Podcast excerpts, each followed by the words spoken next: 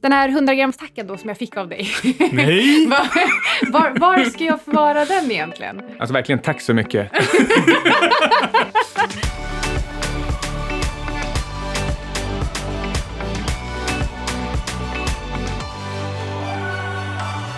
Du, Michel, får jag behålla den här som jag håller i handen nu eller? Mm, nah.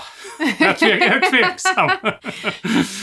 Um, om du är snäll kanske. Ja, men då ska jag försöka vara så snäll som möjligt. Vi har en eh, alldeles eh, väldigt eminent gäst med oss i Outsiders idag som heter Michel Ryfly som driver bolaget Nordic Gold Trade. Så han tog med sig en liten present för han vet att jag gillar guld för att när vi var på Invest 360 så tog jag din eh, guldtacka och gick iväg med den. Och nu tänker du göra samma sak igen? Eh, ja, men nu har ju du safeat lite så du, det är inte riktigt några kilo guld, men det kanske var lika bra. Kanske dumt att gå runt med på stan.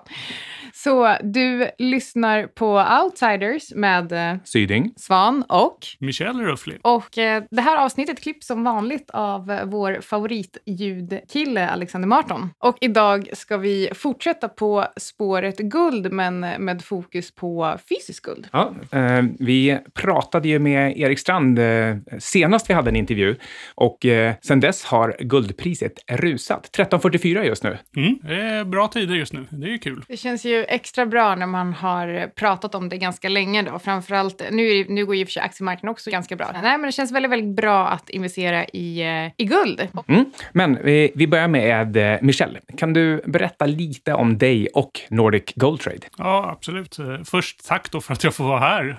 Och jag kommer att ta med mig den där tacken tillbaka, Anna. Du kan vara lugn. ja, men jag heter Michelle, startade Nordic Gold Trade under 2018, har ett förflutet inom ädelmetall och ädelstensbranschen. Från början så är historien väldigt lång. Det innebar att mina farföräldrar kom från Schweiz till Sverige i slutet av 40-talet och etablerade ett ädelstensliperi som gick i arv till mina föräldrar och efter det till, min, till mig och min syster. Så du har det i blodet med andra ord? Någonstans har jag i blodet och jobbar man inom ädelstensindustrin så kommer man nära guld och silver då eftersom man jobbar mot smyckesbranschen. Och det var där det första liksom, intresset väcktes. Var det att eh, grejerna var fina eller blev du faktiskt intresserad av var kommer egentligen de här metallerna ifrån? Eh, de fina sakerna, det var ädelstenarna. Metallerna var från början bara så jaha, det där ska man använda till att, an till att göra någonting. Men sen hände det något.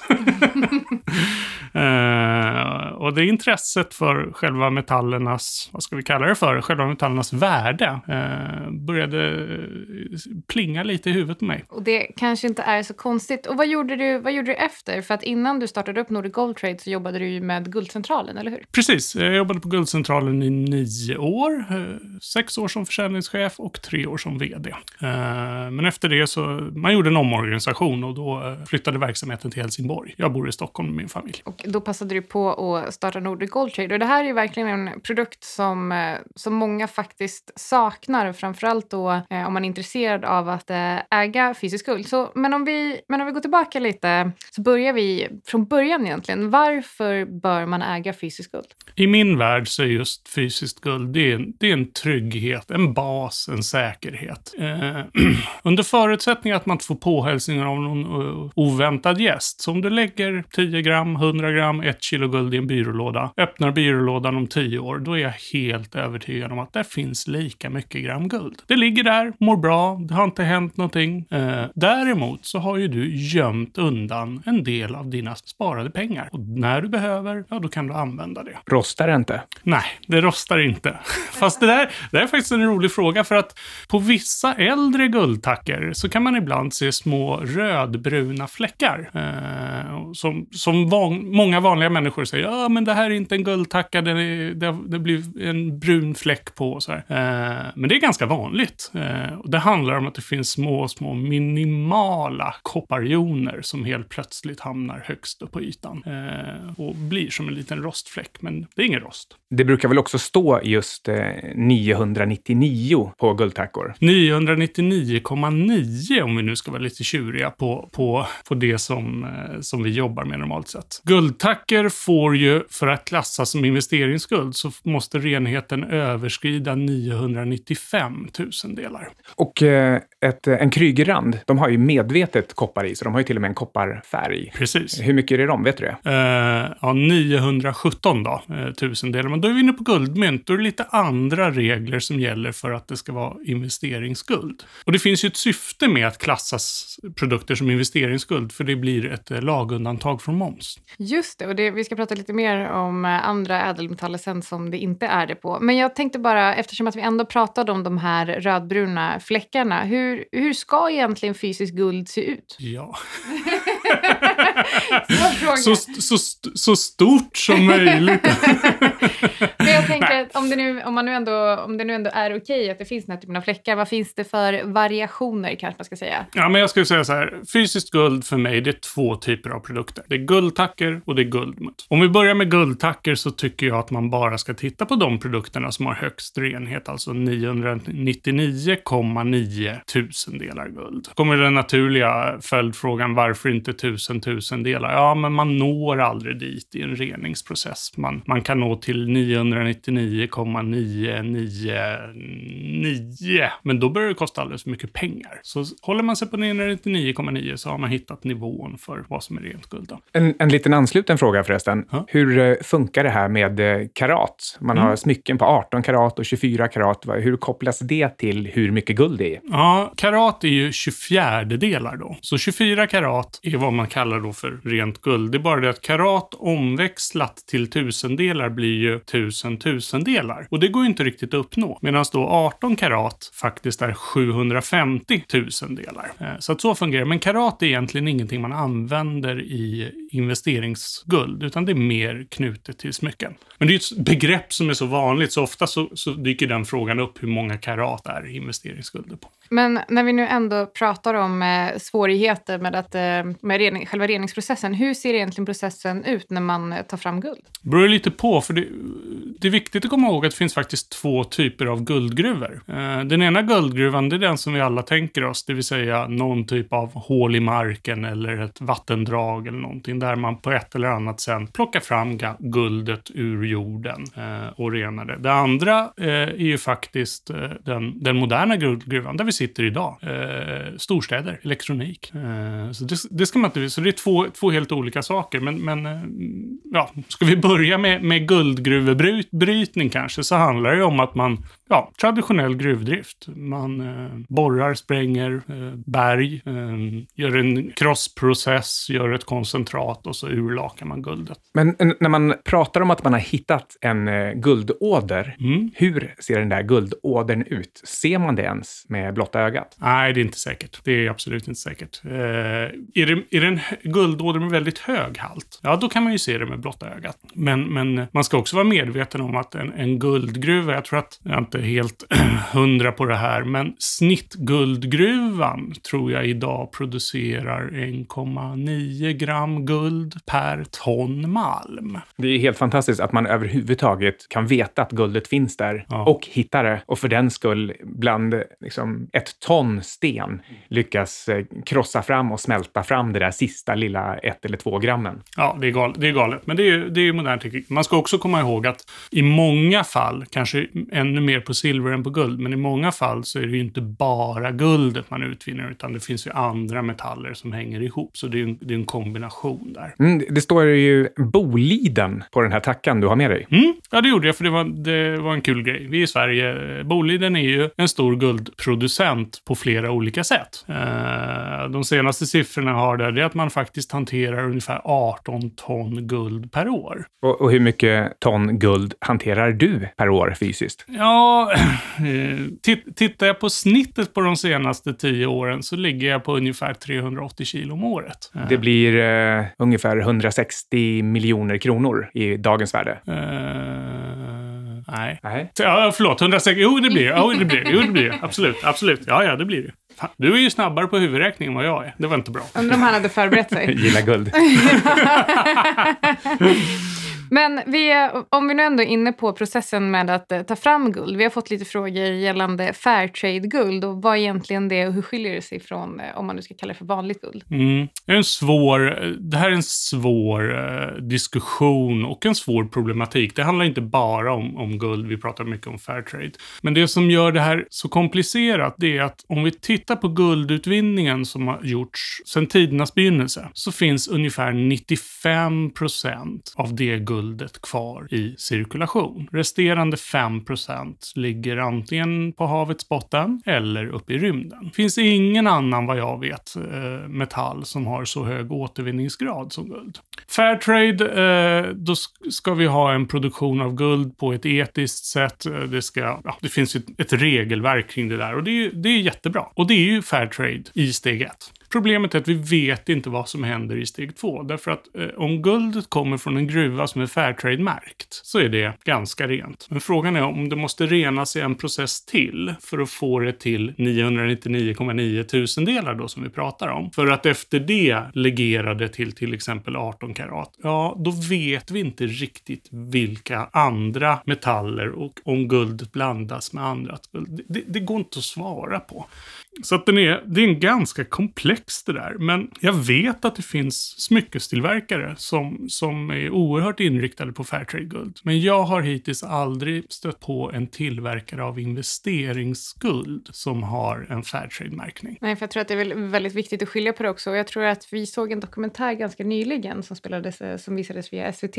Och då pratade man väl om att det var 10 procent av... Eh, kommer du ihåg siffrorna i huvudet, Micke? Ja, men upp till 10 procent. Någonstans mellan 5 och 10 procent som är såna här småskaliga, eh, ibland eh, faktiskt rent illegala mm. bruk, kanske till och med i, i naturskyddade områden där man inte får vara, eller det är nedlagda gruvor. Och Så de använder, ja, de använder mycket kvicksilver i produktionen, men det gör man inte längre i riktig, riktig produktion. I riktig produktion så, så ska jag säga att man, man, man undviker att använda kvicksilver. Och i de, i de fall där man eh, känner att man behöver göra det så är det en oerhört kontrollerad process. Eh, kvicksilver är som vi alla vet, det det är, inget, det är inget bra. Men det är ju en, eh, det är en unik reaktion som sker mellan guld och kvicksilver. Om man eh, tittar på guldsmycken som man har hemma, oavsett om det är 18 eller 24 karat, mm. vad är bästa sättet att hantera dem på om man tänker sig att, att det här ska vara ens guldförsäkring? Eh, för jag tänker att eh, länkarna i en kedja är ju fantastiskt bra storleksordning på dem. De kan man liksom klippa, klippa av och köpa bröd för när apokalypsen kommer. Mm. Eh, eller ska man faktiskt ta dem till någon guldsmed, smälta ner dem, eh,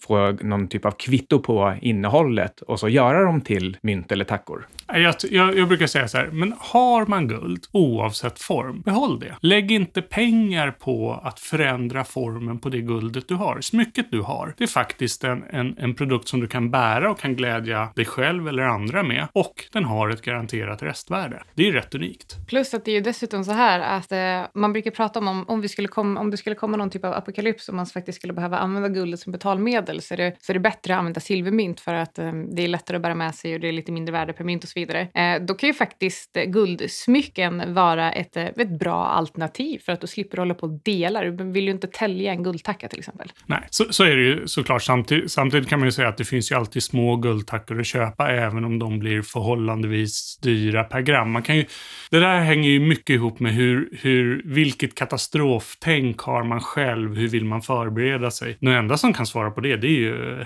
det är ju en själv. Eh, personligen så tycker jag att det är bättre att ha lite små guldtackor eller ännu hellre små historiska guldmynt. Och så länge man inte ska trada de här fysiska guldtackorna så gör det ju nästan ingenting om man har betalat en, en, liksom en spread på några extra procent.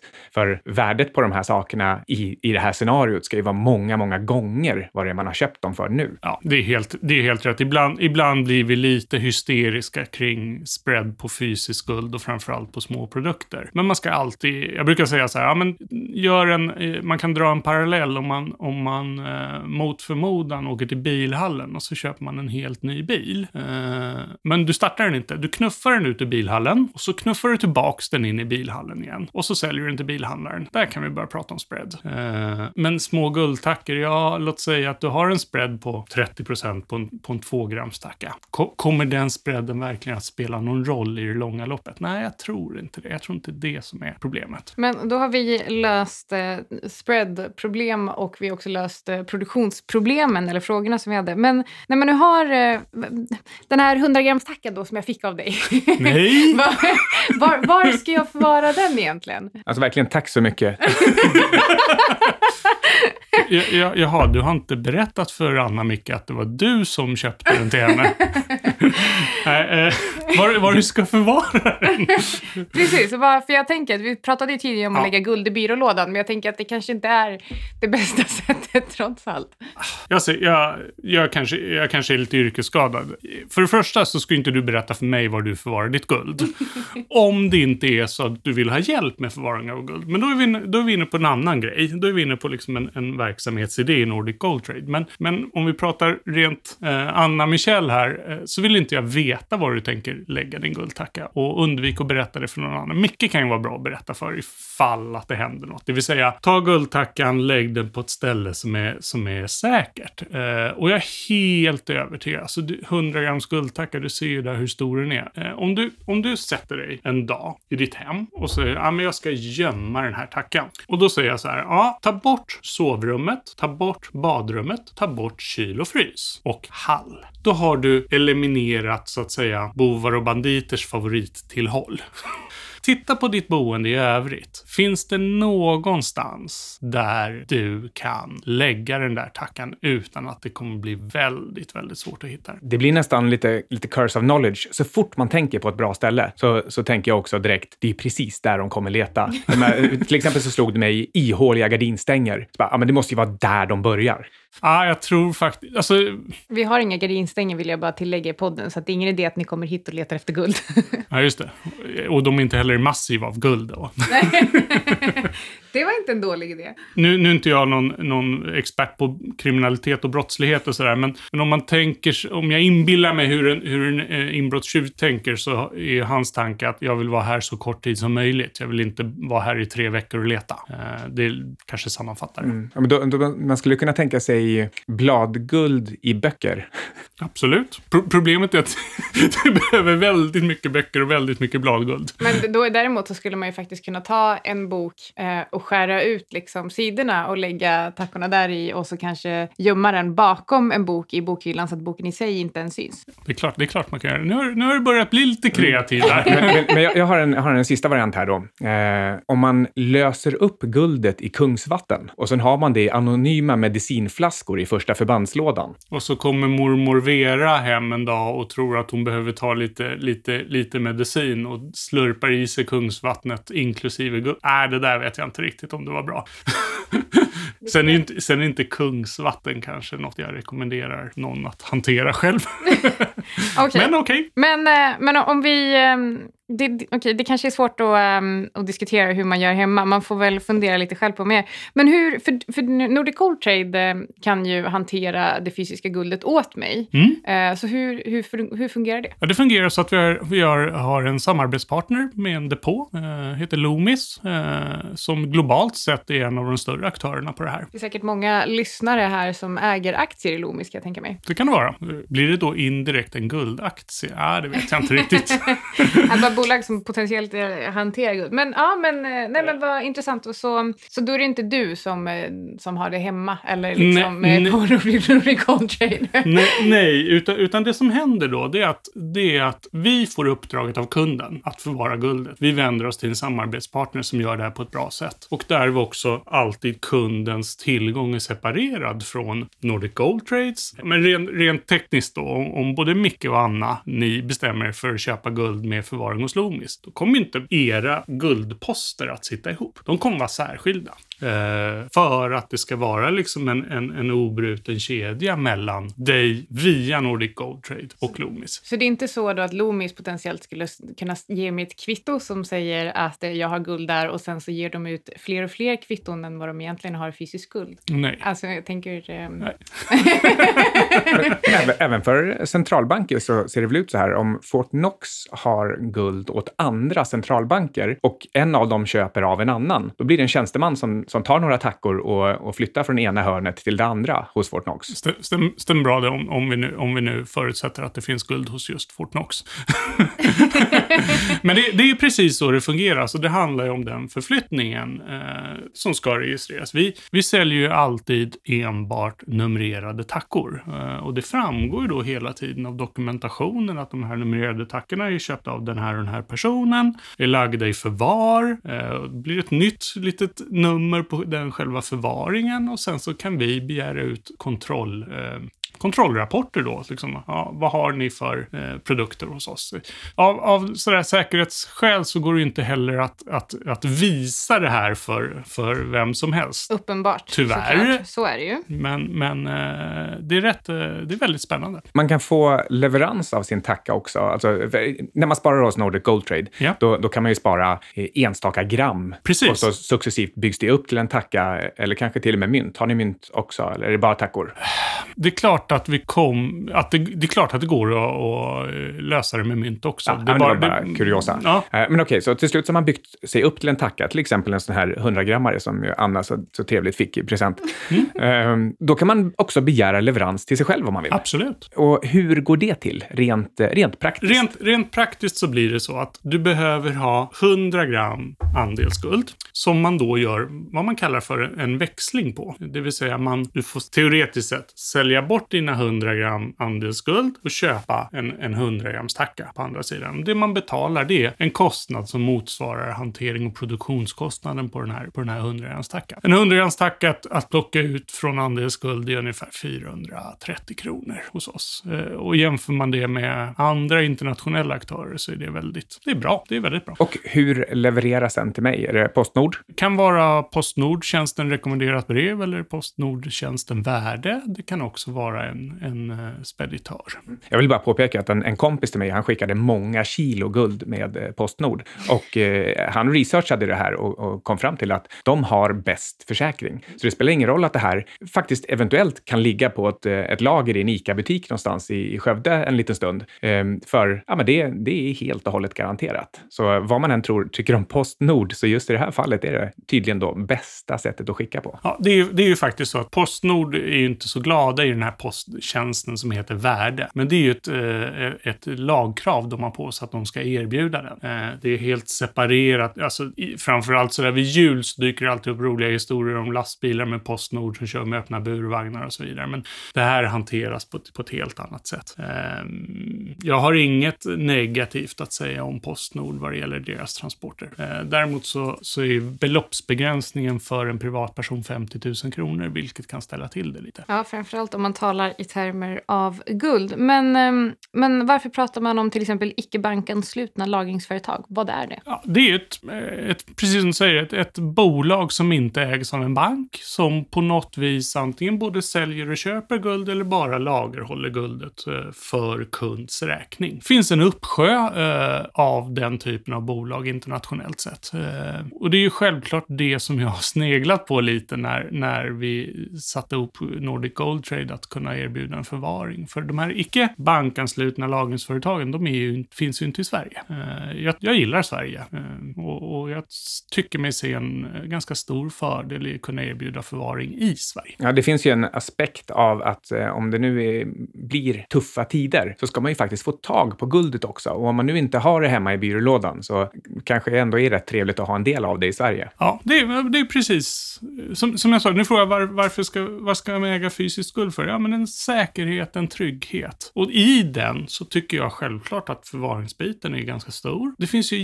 jättemånga människor i Sverige, drygt 10 miljoner. Nu är inte alla potentiella guldköpare för alla är inte över 18. Men om du frågar varenda en så kommer de ha olika aspekt på trygghet, säkerhet. En del kommer att tycka att det känns jätteläskigt att lägga 10 gram guld i byrålådan. Däremot, klockan eller vigselringen för 20 000, den får jättegärna ligga på nattduksbordet. Eller i badrummet badrummet helt öppet. Det är inget problem. Men tackan som kostar 4 500 kronor, den är läskig. Det är ganska intressant perspektiv det där, att man egentligen inte, att man inte drar den, den parallellen. Men nu har vi, vi har diskuterat lite här om att det kan vara faktiskt bra att ha guld i Sverige, men det finns ju hemliga valv i Schweiz. Mm. Eh, och varför då? Det är inte som att Schweiz skulle kunna försvara sig om det kommer, någon, kommer dit någon och ska hämta guld. Nej, men, men det där tror jag att det är, his, histor, det är historik. Guld och Schweiz, det det liksom, sitter som handen i handsken. På 70-talet eh, fick jag följa med min farfar till bankvalvet och titta på guldtackorna som han hade lagt där. Och han hade ju redan då det här tänket att guld var, var en bra grej.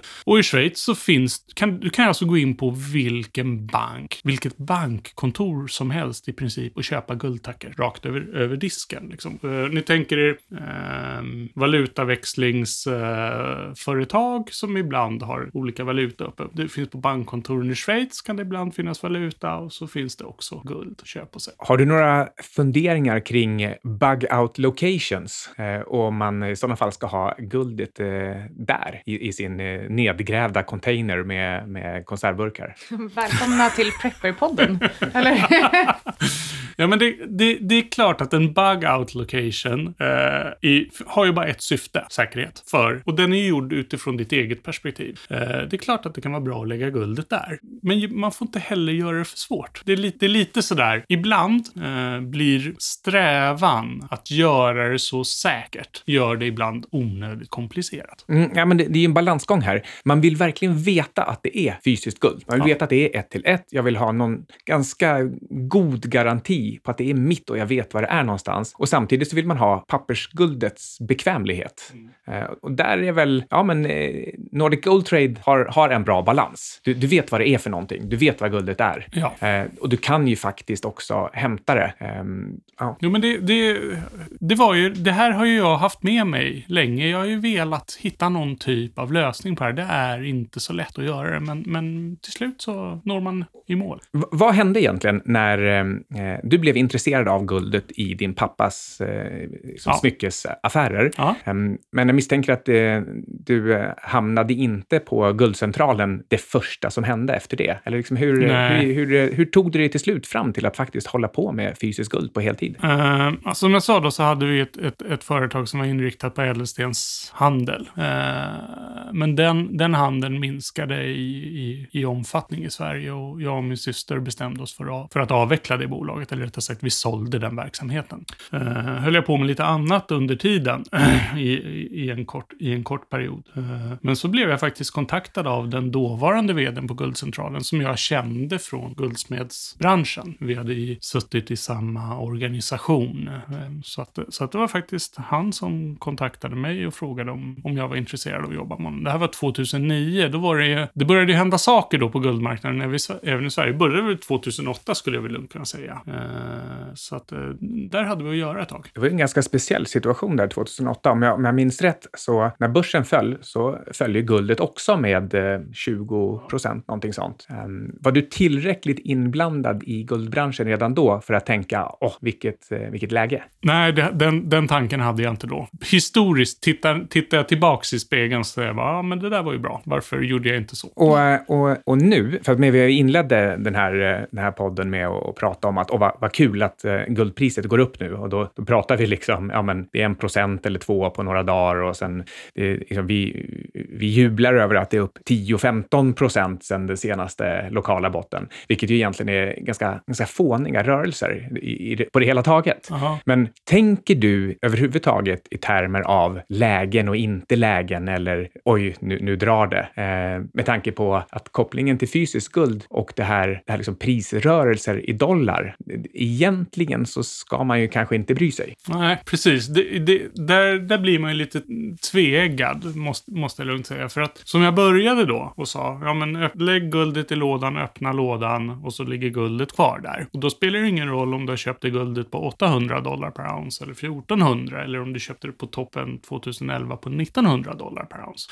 Om vi pratar pris dollar per ounce. Men, men faktum är att vi är faktiskt i Sverige. Vi borde ju prata egentligen också guld, kronor per gram. Eh, där har guldpriset utvecklats lite bättre. där har guldpriset utvecklats lite bättre. Eh, och det är ju tyvärr ett resultat av en kronförsvagning till, till stor del. Mm. Ofta så är det ju så att man brukar säga att, att kro, eh, valuta och guld korrelerar mot varandra. Alltså går guld upp så går, går dollar ner och så vidare. Nu, nu har det ju inte riktigt sett ut så. Då får vi de här, i svenska kronor mätt har vi haft en, en prisutveckling som varit ganska brutal på kort tid. Mm, och ibland så får jag för mig att, eh, att lägga ut en liten tabell över eh, guldpriset i kronor. Jag får nästan ofelbart någon typ av kommentar som, som säger att ah, ja, men är inte det mesta av det där dollarn? Och så brukar jag retoriskt fråga tillbaka, jaha, men hur gör du när du tittar på OMX då? Oh.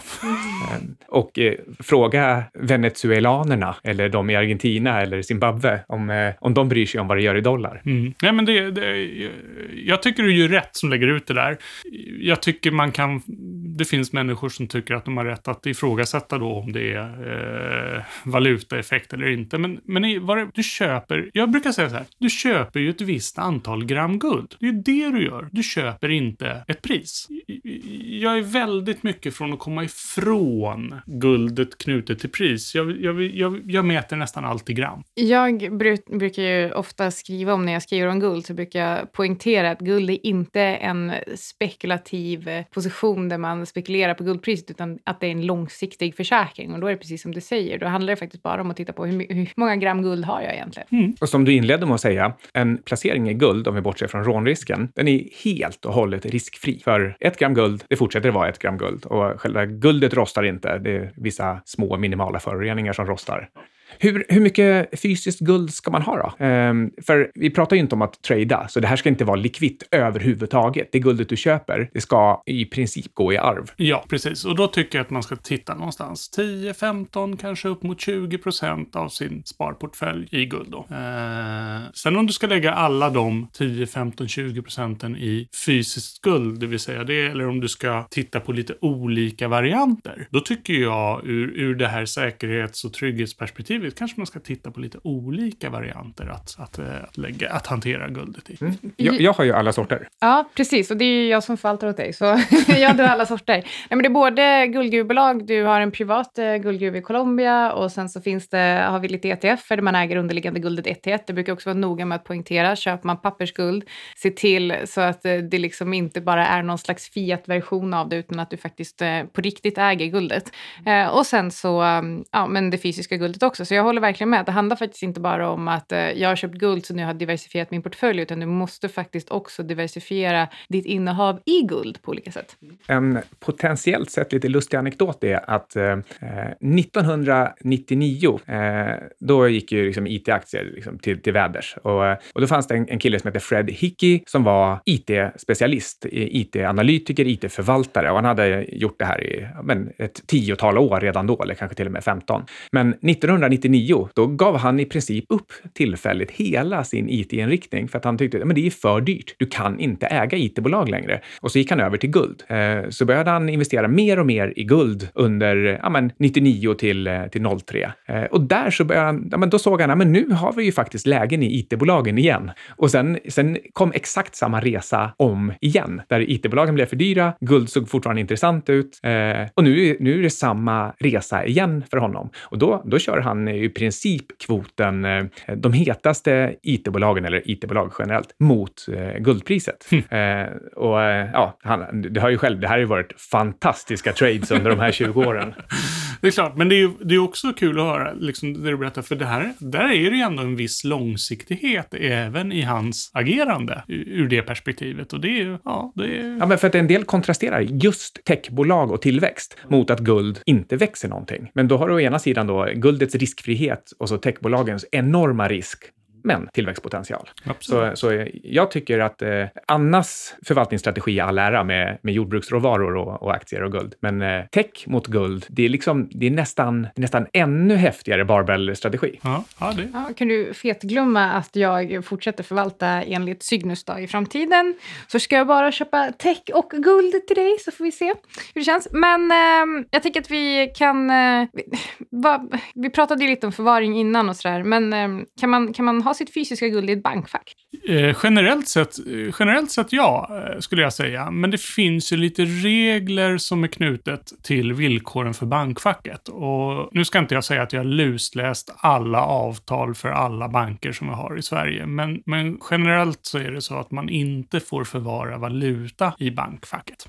Ett guldmynt eh, har ofta ett nominellt värde. Eh, är det då valuta eller är det guld utifrån investeringsperspektivet? Ja, så länge inget ingenting händer så kan vi vara eniga om att det är investeringsskuld. Men det finns ju kanske ett scenario där det händer något och banken då vill hävda att det är valuta. Däremot, guldtacker är inte valuta. Det har inte legal tender-status i Sverige. Oj, så man får ha guldet, tror du, i, i alla fall no hos några bankfack? Ja. Eh, och eh, för, för en sak som jag har tänkt, det är att ah, man, man, skulle ju kunna ha guldet där eh, utan att säga någonting. Men då är jag lite orolig att banktjänstemännen går runt och, och, och kollar efter guld och liksom, då kan de ta det och, ja. Och så kan man aldrig hävda att man hade guld i bankfacket. Nu är det väl så att banktjänstemannen har väl i sig inte rätt eller kan komma in i det bankfacket som är ditt och låst av, av dig. Eh, så ska det ju vara. Sen, sen om, om det är så, det, jag förutsätter det. Jag gillar att lita på människor eh, och, och, just den biten sådär. Eh.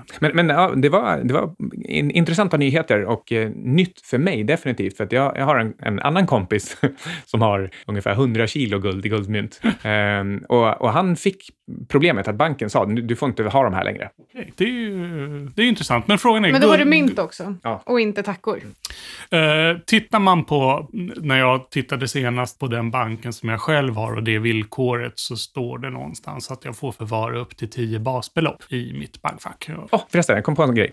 Um, ehm, NGT förvarar hos Loomis. Yes. Kan jag som privatperson gå till Loomis och är det några särskilda minimivolymer som gäller? Du som privatperson kan inte gå direkt till Loomis, nej. Däremot kan du gå via oss, förhoppningsvis på sikt. Det vill säga, nu förutsätter jag att du har guldet själv liggande någonstans eh, och att vi ska kunna slussa in det i Loomis förvaringssystem. Ja, säg att jag har en hos någon schweizisk eh, firma och så tänker jag att jag vill faktiskt ha det i Sverige. Så kontaktar jag dig och säger, går det att apportera in det här på något sätt i NGT? Eh, förhoppningsvis snart, men inte nu.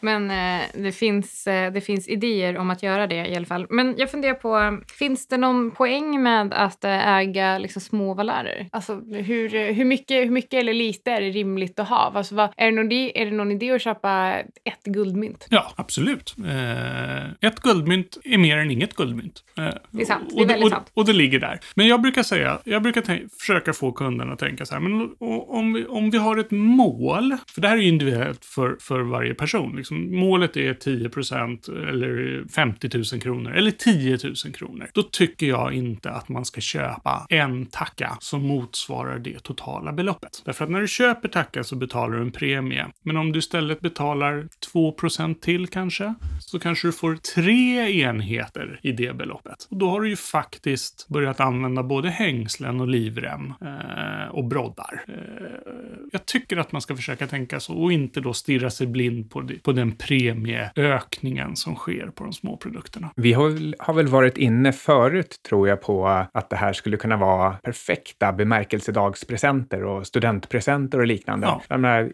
istället kanske för ännu en klocka. Ja, absolut. Ett guldmynt. Precis, precis som jag fick den här tackan av dig. Det var, det var snällt. Nej!